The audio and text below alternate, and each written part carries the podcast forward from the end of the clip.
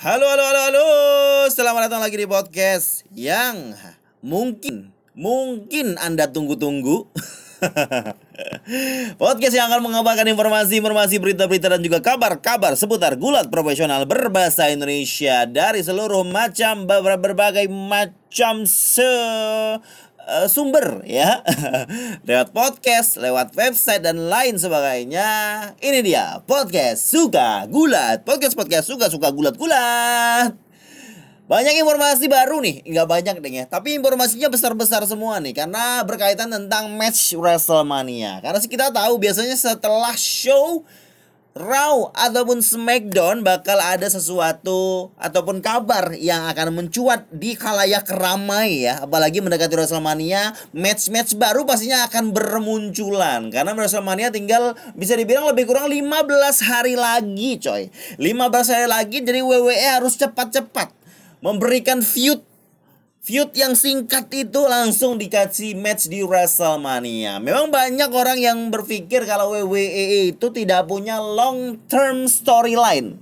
Storyline yang panjang. Storylinenya dadakan aja. Salah satu contohnya adalah story dadakannya Sis, Sami, Sami Zayn dan Kevin Owens yang tiba-tiba langsung feud dan langsung match di WrestleMania. Tapi walaupun begitu, semua matchnya menurut saya mostly itu worth it ya. Semua matchnya layak banget, pasti akan seru banget. Walaupun tanpa storyline yang panjang, WWE itu punya talent-talent yang super keren. Mereka tidak butuh waktu yang cukup panjang untuk membuild up big match, big feel untuk match itu. Mereka hanya butuh waktu 10 hari lebih lah ya mudah-mudahan bisa uh, sanggup lah untuk membuat uh, stake untuk WrestleMania ini match-matchnya itu menjadi lebih uh, fenomenal dan luar biasa dinantikan. Kita mulai dari result ataupun hasil dari episode SmackDown yang tayang di tanggal 27 Maret pagi tadi waktu Indonesia Barat. Jadi ini adalah uh, acara Smackdown episode Smackdown uh, Falloutnya Fastlane ya. Agak jauh sih tapi nggak apa-apa. Memang ditunggu sekali uh, Falloutnya Fastlane, Fastlane ini. Dimulai dari Daniel Bryan yang di atas ring uh, yang muncul yang dia bilang dia pantas mendapatkan match main event WrestleMania 37 karena pada saat Fastlane Sebelum Roman Reigns menang, Roman Reigns sempat tap out, habis dikunci crossface uh, yes locknya Daniel Bryan. Dan itu tidak diterima sama wasit karena wasit tidak melihatnya. Jadi uh, walaupun Roman Reigns akhirnya tap out, dia tidak jadi kalah karena wasit menghitung yang dia ngunci Bryan setelah dipukul oleh Edge dengan steel chair. Ya memang dari akhir Fastlane kita berpikiran kalau WrestleMania 37 kayaknya bakal triple threat nih. Bahkan ada rumor sebelumnya pun sudah berkembang katanya bakal berubah jadi triple threat. Soalnya dari finish The Fastlane ini aja itu sudah membuktikan kalau ada kontroversi dan pasti Brian minta nambah. pasti Brian minta match lagi sama untuk Universal Champions-nya. Dan Brian tidak mau meninggalkan ring sampai dia mendapatkan rematchnya melawan Reigns untuk Universal Title. Dan Adam Pearce oh, orang belakang layarnya WWE yang biasa menentukan ya kayak uh, zaman dulu su Triple H atau Kane atau People Powernya itu siapa namanya lupa Laura Natis itu pokoknya. Nah Adam Pearce ini keluar dan bilang ke Daniel dan kalau title defense-nya Roman setelah ini adalah melawan Edge di WrestleMania 37. Terus Daniel bilang ya, Daniel Bryan bilang katanya WWE harusnya uh, ngasih kesempatan saya juga. Jadi Roman versus Edge di night 1, night 1 di WrestleMania 37 dan pemenang dari night 1 bisa melawan Daniel Bryan di night 2, night kedua di WrestleMania 37. Ini skenario yang bisa dibilang cukup menggoda, cukup bisa masuk akal begitu ya. Tapi sayangnya sayangnya nanti di, di dijawab ya. Tapi yang jelas setelah ini Edge langsung interupsi dan bilang ke Daniel Bryan kalau kamu itu sudah kalah dua kali sama Roman Reigns gitu. Kamu udah kalah dua kali, nggak butuh dan nggak pantas untuk jadi main event di WrestleMania. WrestleMania. Dan dia pantas, si Edge itu pantas karena dia sudah memenangkan Royal Rumble match. Dan akhirnya mereka berantem, pukul-pukulan dan Edge yang memenangkannya yang berdiri tegak dan memukul Brian dengan steel chair and spear muncrat. Kemudian di segmen berikutnya, match berikutnya, Seth Rollins melawan Shinsuke Nakamura dan berhasil dia kalahkan Shinsuke Nakamura. Sehabis match, Rollins mukulin lagi Nakamura dan Cesaro membantu Nakamura menyelamatkan Nakamura. Dalam back, kemudian dalam backstage segment, akhirnya Roman Reigns bilang ke Adam Pearce kalau dia nggak mau kerja ataupun wrestle di dua malam di WrestleMania 37. Kayaknya dia yakin banget ya kalau Night One pasti menang ya. Jadi dia nggak mau kerja dua kali gitu. Terus Adam Pearce bilang dan akhirnya uh, nanti saya akan buat keputusan di akhir malam di akhir episode SmackDown ini. Kemudian muncul lagi segmen berikutnya Rollins bilang kalau dia capek dipermalukan oleh Cesaro dan menantang Cesaro untuk match di WrestleMania 37. Kemudian Cesaro mukulnya, menyerangnya dan memberinya swing di backstage. Dan Cesaro akhirnya menerima tantangan dari Rollins dan match ini akan ada di night pertama, night one of WrestleMania 37. Match eh match oh ya benar. match berikutnya Apollo Crews and Alpha Academy, Otis and Chad Gable melawan Intercontinental Champion Big E and Street Profits. Dan ini uh, pertandingan ini dimenangkan oleh uh, Apollo sama Alpha Academy ya. Saat Crews ini mempin Big E untuk memenangkan timnya. Dan ini membuat harus ada rematch karena Crews berhasil ngepin Big E ya. Biasanya harusnya Cruz jadi penantang di bawahnya itu. Dan rematch bersama Biki lagi untuk Intercontinental Championship. Intercontinental Championship. Dan pertandingan tersebut akan berlangsung di Night 2 of WrestleMania 37 rematch ya. Segmen berikutnya. Saatnya Sami Zayn dan feudnya dengan Kevin Owens dilanjutkan ya jadi Sami Zayn minta maaf ke Kevin Owens. Kalau dia sudah menendangnya di muka, menendang mukanya Owen minggu lalu di SmackDown.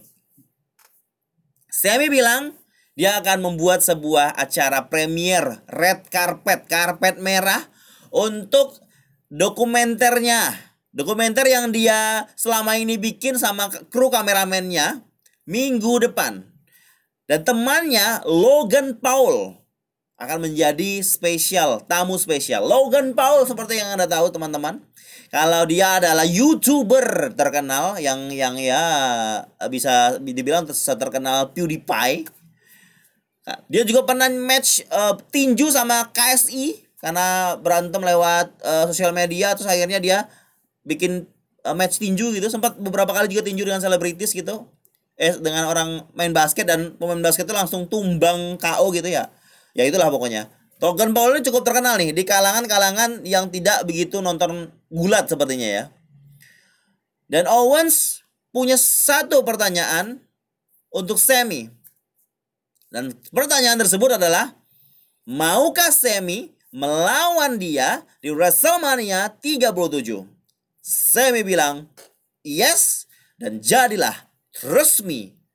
Akhirnya setelah resmi, Kevin Owens memberikan stunner ke Sami untuk mengakhiri segmen tersebut. Dan match ini akan took place di night 2 of WrestleMania. Segmen berikutnya Bianca melawan Natalia. Dalam match itu sempat Bianca menampar Sasha Banks di ringside dan Sasha menyerangnya dengan backstabber setelah match. Mereka feudnya hanya diisi dengan tampar-tamparan ya. Tidak menarik. Walaupun tahu kita ya, Sasha, Bianca pasti akan mendeliver match yang keren. Tapi membuild up feudnya tidak suka saya gayanya. Awalnya berteman begitu, terus akhirnya Sasha jadi heels, tampar, tampar lagi. Ini mau berwrestling gulat atau bertampar-tamparan? Lanjut. Rey Mysterio melawan Dolph Ziggler dan berhasil mengalahkan salah satu tag team champion Dolph Ziggler. Kemungkinan nih dari match ini kayaknya Rey Mysterio bersama anaknya akan tag team melawan Dolph Ziggler dan juga Bobby Roode ya. Untuk tag team champion SmackDown dan bisa jadi Rey Mysterio menang bersama anaknya si uh, siapa nama anaknya lupa. Dominic Mysterio. Belum tahu, belum diumumin ya. Kemudian sampailah di segmen terakhir, segmen yang ditunggu-tunggu. di mana Adam Pierce ingin mengumumkan sesuatu. Dan diumumkan oleh Adam Pierce kalau Roman Reigns akan melawan Edge dan Daniel Bryan untuk Universal Championship Triple Threat di main event of Night 2 of WrestleMania 37. Jadi naik kedua main eventnya, naik puncak malam puncaknya, eh, uh, main eventnya adalah triple threatnya Roman Reigns, Edge dan Daniel Bryan. Tidak jadi spear versus spear ya, tapi spear versus spear versus Daniel Bryan. Setelah diumumkan itu Bryan menyerang Edge dan juga Reigns, terus Reigns eh, menyerang Bryan dan kasih Superman punch. Terus Reigns mencoba untuk nyerang Bryan dengan eh, kursi tapi Roman Reigns dispir oleh Edge. Kemudian Edge menyerang Jey Uso dan Bryan dengan kursinya juga masih. Dan akhirnya uh, official WWE keluar untuk memberhentikan ataupun menghentikan apa yang Edge lakukan. Dan Edge malah memukul mereka juga dengan kursi. Dari tingkahnya Edge sepertinya kayaknya Edge dibikin seorang heel ya. Dia mukul-mukul terus pakai kursi. Atau jangan-jangan nanti dalam WrestleMania Triple Threat ini Edge juga akan pakai kursi. Seperti yang kita ketahui Triple Threat match itu no disqualification, Pak. Akan uh, kursi akan berbuat sesuatu pastinya nanti. Dan Edge menggunakan kursi nantinya pasti ya. Karena dia eh, nggak uh, bisa leluasa bergerak lagi, jadi kursi akan membantunya nanti ya. Jadi uh, pastinya dengan eh, episode Smackdown After Fastlane ini tadi pagi itu banyak mengumumkan match sama seperti episode Raw kemarin yang banyak juga mengumumkan match-match baru untuk WrestleMania. Jadi sudah cukup banyak matchnya ya untuk Night 1 dan Night 2 WrestleMania 37. Setelah Smackdown kita sudah update lagi nih. Kita update ya apa aja match yang terjadi di WrestleMania nanti 37 dan kemungkinan akan ada penambahan. Yang pertama adalah di night pertama matchnya uh, main eventnya sepertinya adalah WWE Championship match Bobby Leslie melawan Drew McIntyre dengan Shelton dan Cedric Alexander dilarang untuk datang. Terus matchnya Women's Championship match SmackDown Sasha Banks versus Bianca Belair. Matchnya Shane McMahon versus Braun Strowman. The New Day versus AJ Styles dan Omos untuk Raw Tag Team Championship match. Seth Rollins lawan Cesaro dan The Miz versus Bad Bunny untuk night pertama.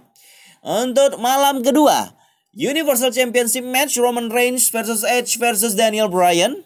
Randy Orton versus The Fiend dengan Alexa Bliss-nya. Raw Women's Championship match Asuka melawan Rhea Ripley. Intercontinental Championship match Big E melawan Apollo Crews. Kevin Owens melawan Sami Zayn. Dari daftar ini kita tahu kalau SmackDown Tag Team Championship match nggak ada matchnya di sini. Terus juga yang belum ada matchnya itu adalah US title juga belum ada matchnya. Mungkin akan menyusul di episode SmackDown dan juga episode Raw berikutnya. Dan orang mungkin banyak bertanya-tanya, apa aja sih dan kenapa alasannya kok ternyata jadi triple threat jadi kan kemarin Vince McMahon sempat marah banget nih orang-orang WWE juga sempat marah ketika plan ataupun rencana-rencana WrestleMania match-matchnya itu bocor, bocor ke halayak ramai di sosial media. Dibilang katanya Matchnya dari yang udah direncanakan ada Roman lawan Edge, Bianca Sasha, Bad Bunny lawan Miss dan segala macam itu udah diomong-omongin gitu lah. Ini membuat Vince tidak suka dan dia sebel sekali ya. Dengan begitu dia menetapkan untuk merahasiakan match-match untuk setiap wrestlenya kepada semuanya dirahasiakan. Jadi wrestler nggak kasih tahu kalau dia dapat match apa gitu. Dan juga bakal ada perubahan katanya setelah itu gara-gara informasi itu bocor. Ya udah kita dapat perubahannya adalah Universal Championship match menjadi triple threat. Roman Reigns versus Edge versus Daniel Bryan. Tapi alasannya selain itu apa sih? Ternyata ada alasan lain yang diinformasikan oleh Wrestling Observer. Satu hal ya, kita tahu kalau Bapak Edge ini sudah tua Ketika di close up mukanya ketika promo atau lagi marah atau lagi match terlihat sekali keriput-keriputnya, lekukan-lekukannya, peot-peotnya tuh kelihatan, Bro. Nah, ini katanya dari Wrestling Observer jadi alasan Bapak Vince McMahon meng mengubah pikirannya, mengubah rencananya. Jadi katanya di Rosing Observer nih yang ngomong nih katanya one person close to the situation said satu orang yang tahu terhadap dekat dengan situasi ini bilang katanya uh, isu umurnya Edge ini jadi pertimbangan Bapak Vince McMahon untuk menggantinya jadi triple threat gitu loh. Karena kelihatan banget setiap minggu itu kayak Edge ini kelihatan lebih tua begitu. Nah ini jadi sesuatu yang sangat dikonsenkan dipertimbangkan oleh Bapak Vince McMahon untuk biar Edge tuh nggak nggak nggak nggak apa namanya Edge itu nggak begitu kerepotan atau bisa dibilang orang nggak begitu ekspektasi tinggi sama match ini. Eh bukan gitu ding. Maksudnya jadi ketika Rom Edge, Edge sudah tua kelihatan tua mungkin gerakannya tidak akan seperti sebelumnya gitu loh. Dan matchnya single match ini kan harus jadi match yang spektakuler. Jadi kayak Vince McMahon itu nggak begitu percaya Edge bisa mendeliver match yang signifikan luar biasa melawan Roman Reigns karena kelihatan tuanya ini. Makanya ditambahlah Daniel Bryan akan yang akan membuat matchnya menjadi lebih berarti, lebih rame dan akan jadi lebih seru pastinya.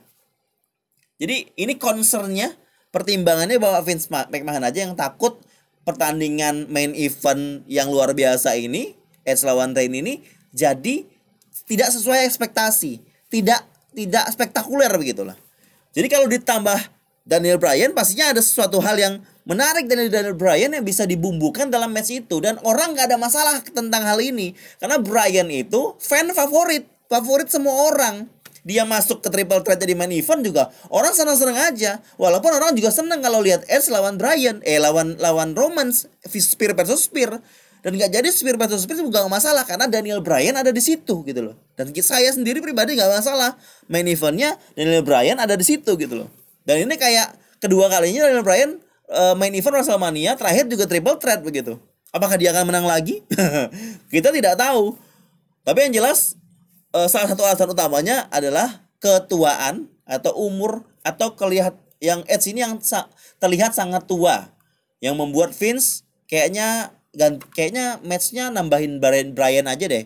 Edge kelihatannya kayak kayak takutnya Edge nggak mampu untuk uh, menanggung beban untuk membuat match yang spektakuler dengan uh, dengan looksnya yang sudah tua mungkin energinya yang nggak seperti biasanya jadi biar uh, fans tidak ekspektasi uh, ke edge-nya ditambahlah Daniel Bryan biar ada Daniel Bryan yang juga menopang untuk membuat skenario match yang bisa dibilang all out dan luar biasa. Semakin excited menuju WrestleMania 37.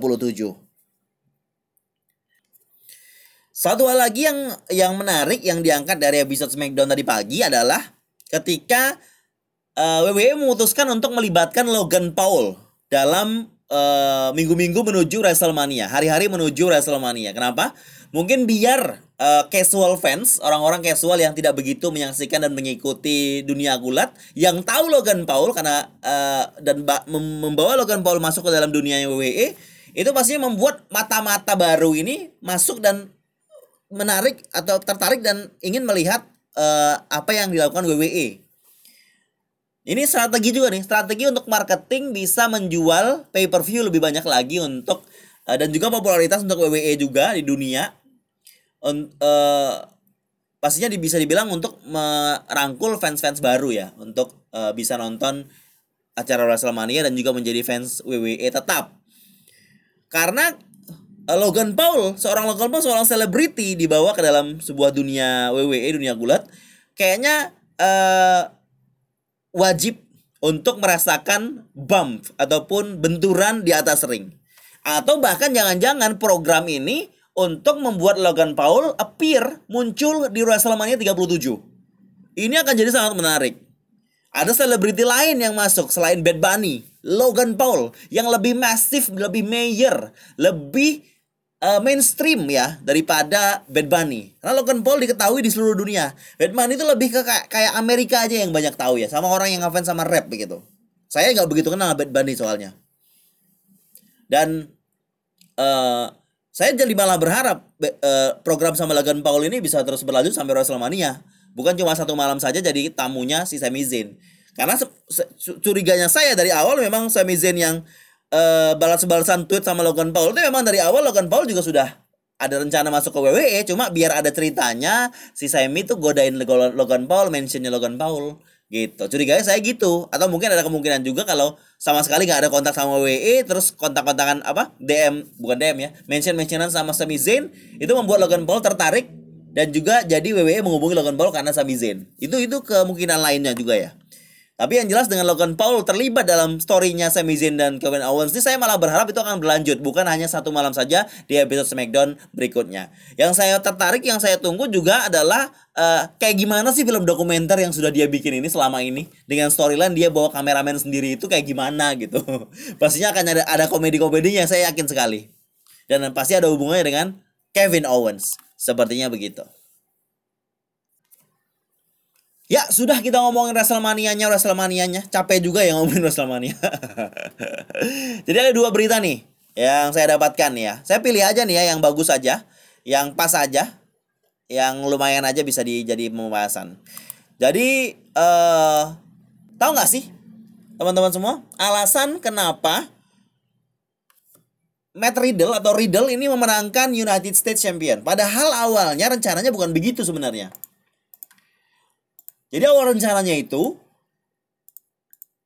si uh, Matt Riddle ini bukan jadi pemenangnya. Rencananya bukan Matt Riddle yang menang. Jadi di match Elimination Chamber itu uh, si Bobby Leslie akan melawan Kid Lee dan juga Riddle. Cuman Kid Lee ada masalah kesehatan diganti John Morrison yang menang pada saat kick off. Nah, ini membuat change of plan karena rencananya yang akan menang US Champion Kid Lee. Ini dari sumber yang cukup kredibel ya.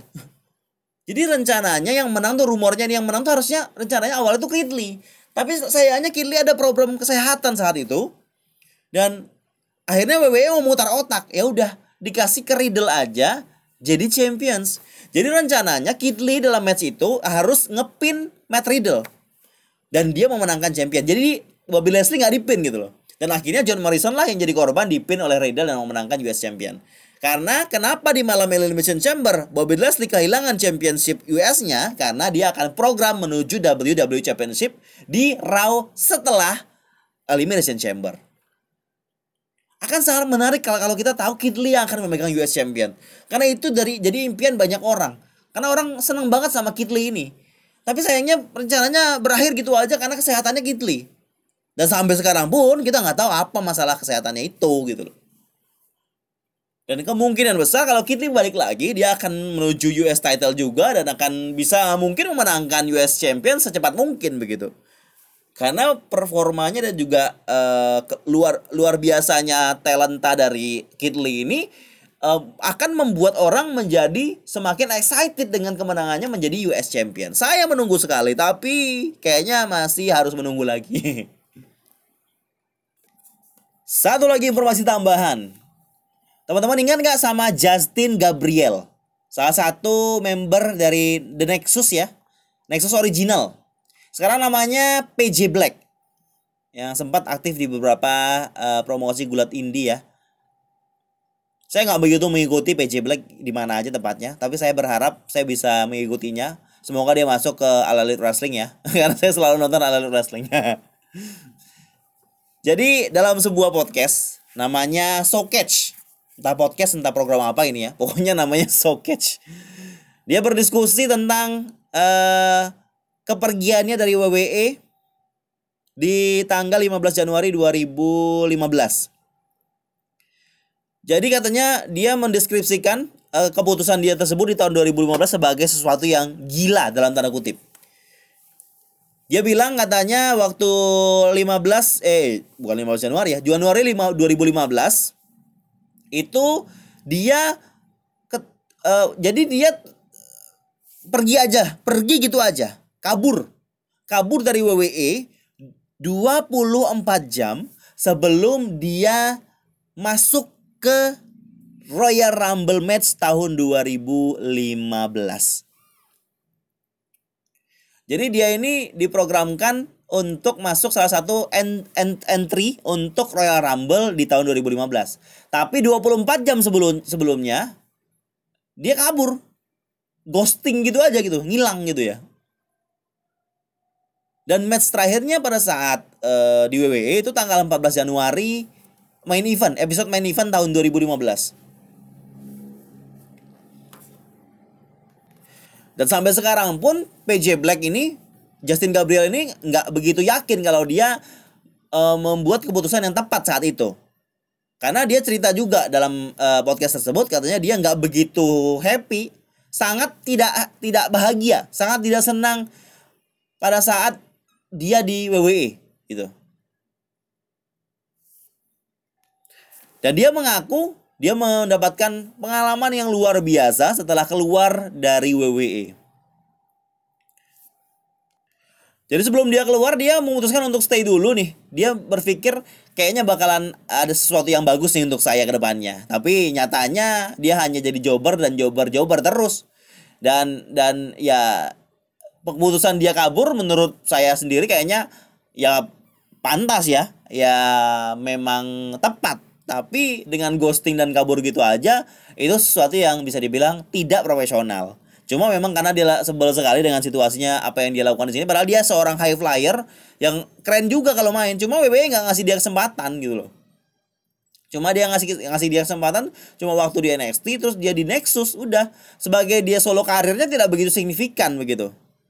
Dan dia sebagai PJ Black saya dengar-dengar luar biasa mantap dan luar biasa oke juga penampilannya karena dia mendapatkan kesempatan dapat spotlight juga menjadi PJ Black. Semoga karakter PJ Black ini bisa terus ada gitu ya. Dan dia bisa masuk ke uh, wrestling promotion yang major yang yang besar gitu. Good luck deh untuk PJ Black nih ke depannya. Uh, saya juga waktu itu sempat penasaran apa alasan si uh, Justin Gabriel tiba-tiba nggak ada gitu aja gitu loh. Karena saya mulai mengikuti banget uh, Smackdown, Raw dan episode-episode pay-per-view apa segala macam untuk WWE ini itu di tahun 2013 kalau nggak salah. 13 atau 2014 kalau nggak salah ya. 2014 itu mulai mengikuti. Di saat itu kan Justin Gabriel sudah jadi solo karir ya. Dia kayaknya udah bukan The Nexus lagi karena The Nexus kayaknya 2014 tuh udah udah nggak ada ya sepertinya ya. Udah gitu aja teman-temanku. Terima kasih buat yang sudah menantikan dan juga mendengarkan, menyimak sekali informasi-informasi yang saya sampaikan di podcast ini. Terus mendengarkan podcast ini ya, di-share ke teman-temannya. Jangan lupa nih kalau non eh, kalau nonton, kalau dengerin podcast ini itu di-share. Share-nya lewat Instagram story, apalagi yang pakai Spotify itu. Share di Instagram story terus di mention at uh, suka gulat ya, biar saya uh, retweet atau repost gitu ke re, re, re, regram restory lah bu restory untuk uh, ya untuk menunjukkan kalau podcastnya ya rame. Terima kasih buat semuanya atas perhatiannya. Saya pamit dulu. Oke oke oke. Terima kasih. Tetap terus mendengarkan podcast suka gulat. Teng teng teng